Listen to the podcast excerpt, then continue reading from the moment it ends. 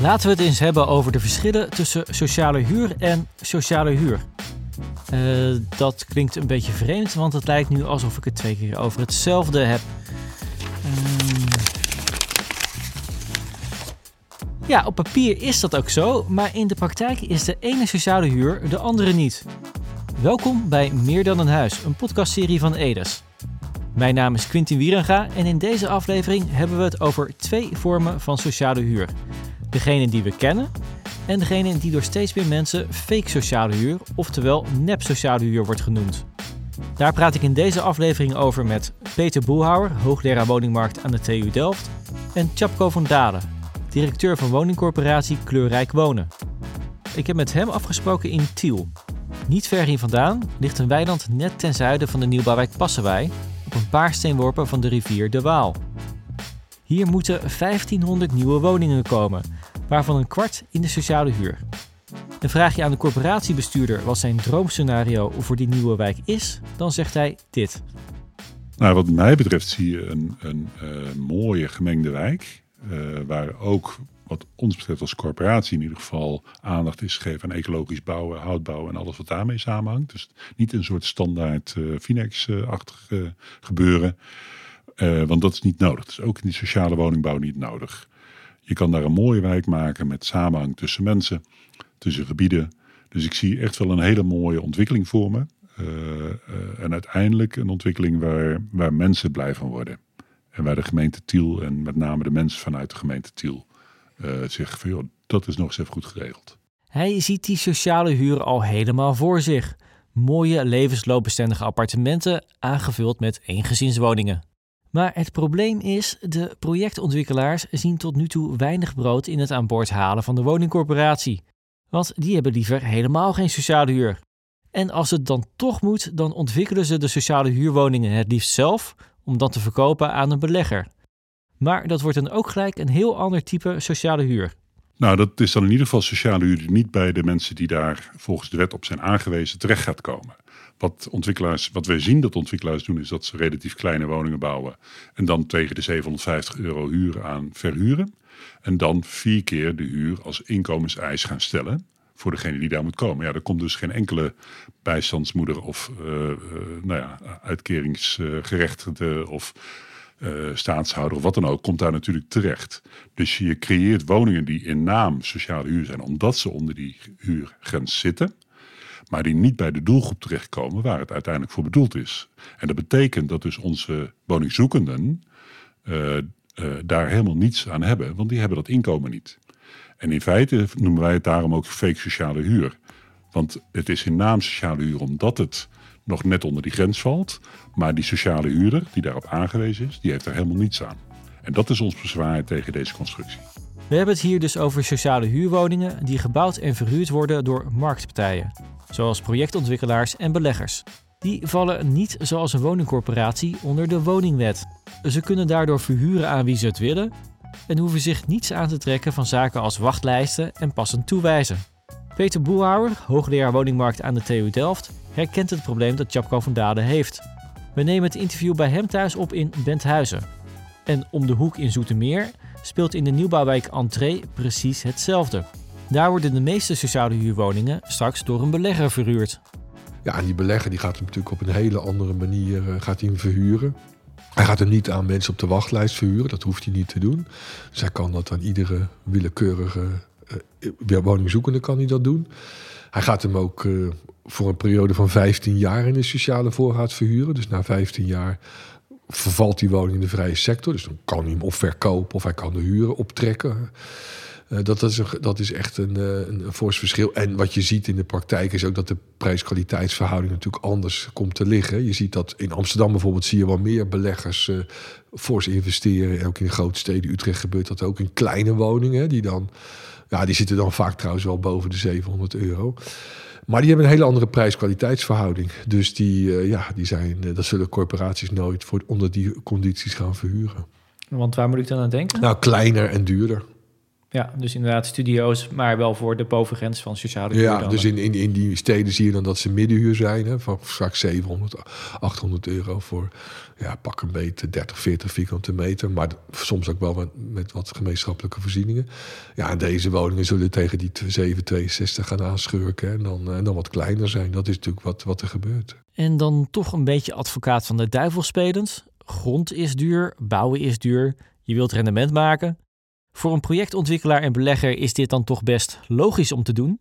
Dat klopt, zegt Peter Boelhouwer, want als ontwikkelaar heb je maar een beperkt aantal opties als je rendement wilt maken. Het is in toenemende mate ingewikkeld om met name die binnenstedelijke locaties rondgerekend te krijgen. Nou, dan kan je verschillende dingen doen. Hè. Dan kun je het, aantal uh, woningen, het aantal sociale huurwoningen waar je geld op moet toeliggen, kan je gaan verlagen. Dus je kunt minder sociale huurwoningen bouwen. Je kunt uh, ja, zorgen dat je kleiner en duurder gaat bouwen. En uh, ja, je kunt een deel van die woningen ook door beleggers laten, laten vuren, waardoor je hogere opbrengsten genereert en dan zo'n exploitatie wel rondkrijgt. Want wat we natuurlijk in de praktijk zien, en dat is ook bij die entree, er worden natuurlijk wel zeer hoge eisen gesteld. Hè?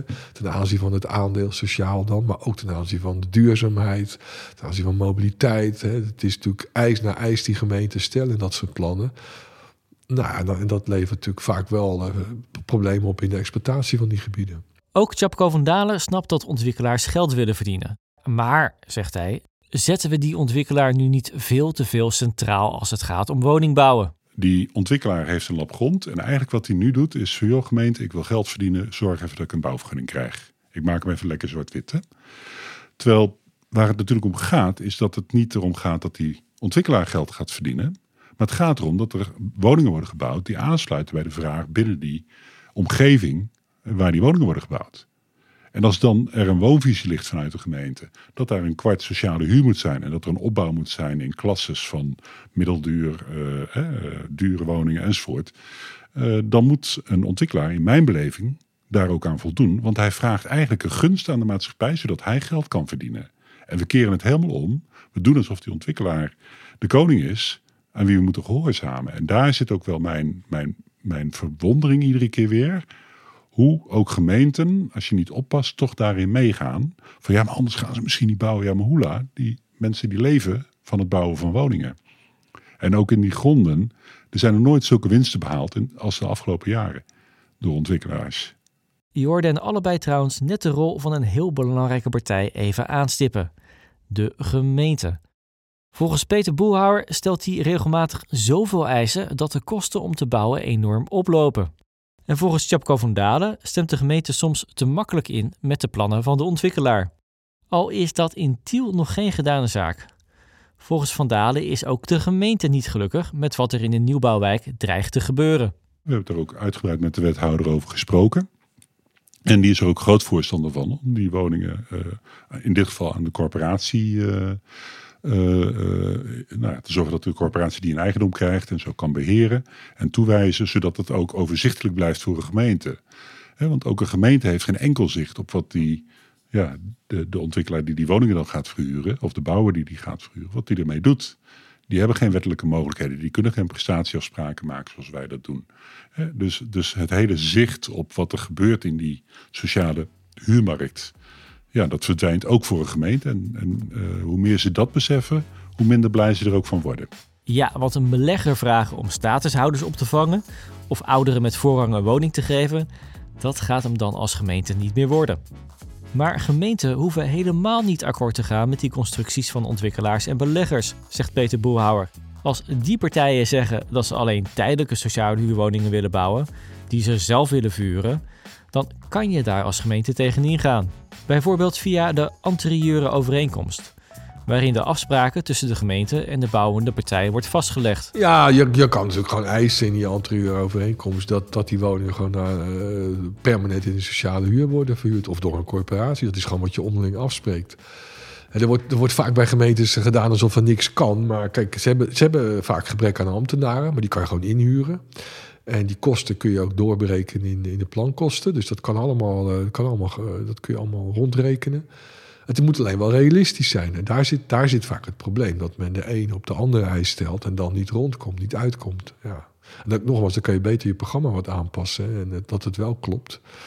En ja, goed, gemeentes hebben natuurlijk ook weinig financiële middelen. Ze hebben vaak in het grondbedrijf weinig zitten. Ze hebben de grond bovendien vaak niet in handen. Dus ja, dat... Uh... Maar onderschat de gemeente dus wat ze hier tegen kunnen doen? Ja, tegen nou, er wordt vaak gezegd dat ze daar geen juridisch instrumentarium voor hebben. Nou, dat is niet waar, dat kunnen ze wel. Er wordt soms gezegd dat ze geen capaciteit hebben. Kun je inhuren. Er wordt soms gezegd dat ze geen geld hebben. Ja, dat kun je ook nogmaals via, zo'n, via die, uh, die planontwikkeling kan je dat gewoon mee financieren. Maar goed, dat gaat dan vooral over de ontwikkeling van locaties. Dus dat, ja, dat zijn allemaal niet, uh, ja, dat, dat zijn niet de belemmeringen. Ja, wat je vooral in kleinere gemeenten natuurlijk ziet, is dat men de expertise gewoon niet heeft hè, om dit soort uh, ja, onderhandelingen aan, aan, te gaan. En ook niet beseft wat men allemaal wel kan. Ja, er zijn genoeg professionele partijen die, hier, die je hiervoor kunt in, in, inhuren om dat voor je te doen. Ja, ik denk dat het heel relevant is om mee te nemen dat de gemeenten veel meer kunnen dan ze doen. En dat ze ook veel sterker zichzelf moeten opstellen naar die ontwikkelaar. Want die ontwikkelaar heeft de gemeente nodig. Tuurlijk moet die ontwikkelaar, hè, die heeft de gronden, die moet bouwen, anders gebeurt er niks. Maar andersom, er gebeurt ook niks als de gemeente zegt sorry, maar wij doen alleen maar als jij aan ons programma voldoet, krijg je een vergunning. Als je daar niet aan voldoet, krijg je geen vergunning.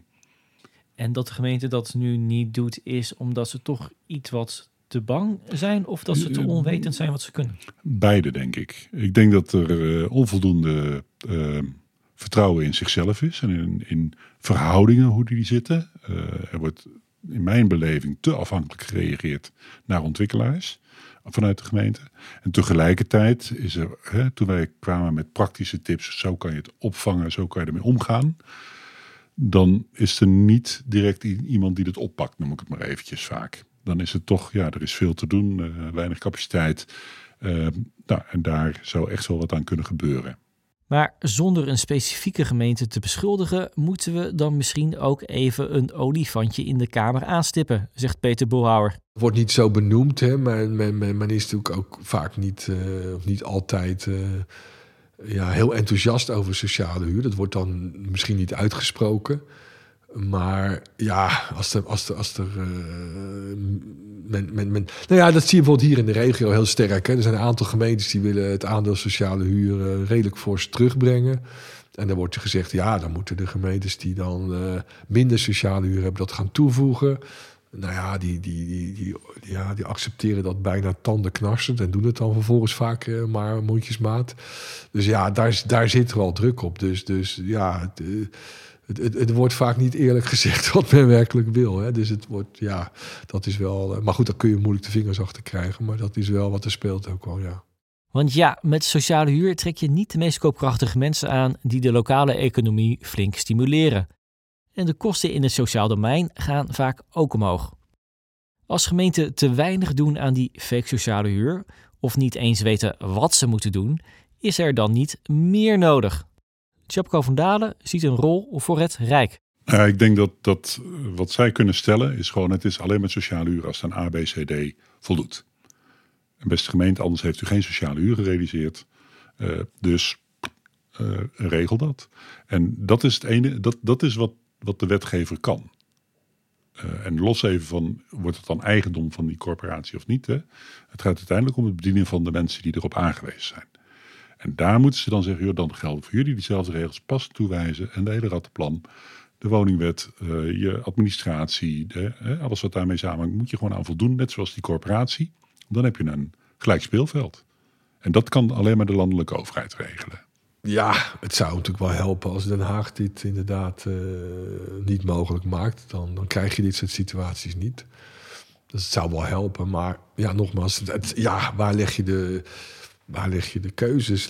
Wil je dat, uh, misschien dat de gemeente dat wel prima vindt. Hè? Ja, die willen gewoon niet zoveel sociale huur voor de, voor de lange termijn. Dat is een, democratische uh, keuze, hè? die uh, democratisch gelegitimeerd is. Dus ik vind dat een lastige. Maar het zou wel helpen als je dat niet wil. Als daar natuurlijk vanuit de overheid gezegd wordt van ja, we. En ook, ook vanuit de provincie. Hè? Want de provincie is natuurlijk ook, die zegt ook van ja, nou ja, we rekenen dat deels mee of niet. Dat je gewoon zegt, nou prima, maar dat rekenen we gewoon niet tot het contingent sociaal. Ja, wat ze hier dus allebei zeggen. Prima als je die studio's van 30 of 40 vierkante meter bouwt en verhuurt voor 760 euro per maand. Prima dat je daar inkomenseisen aan vastplakt en je niets aantrekt van een wachtlijst. En het is zelfs prima als je ze na 10 of 15 jaar wilt verkopen met een mooie winst. Maar dan telt die nep sociale huur dus niet mee voor de echte sociale huur.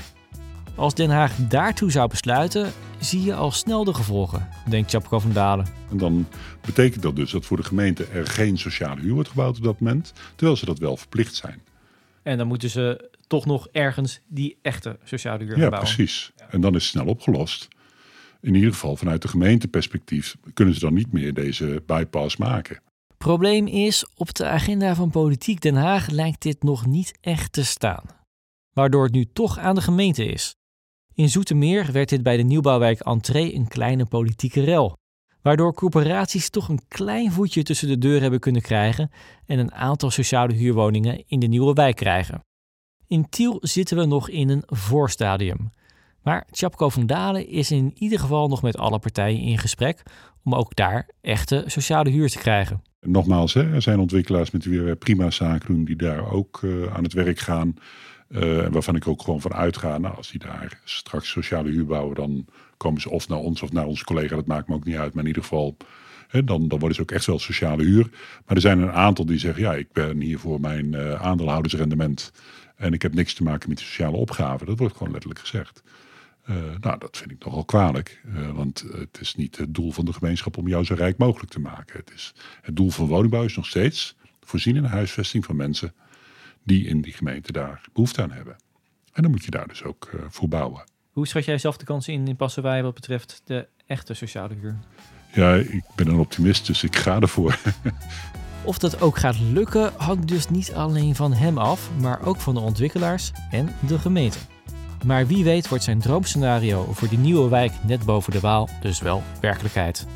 Dit was het voor deze aflevering van Meer dan een huis, een podcastserie van Edes. Mijn naam is Quintin Wierenga en heb je nog niet alle afleveringen van deze serie geluisterd? Ga dan naar de website van Edes of zoek ze op in je favoriete podcast app.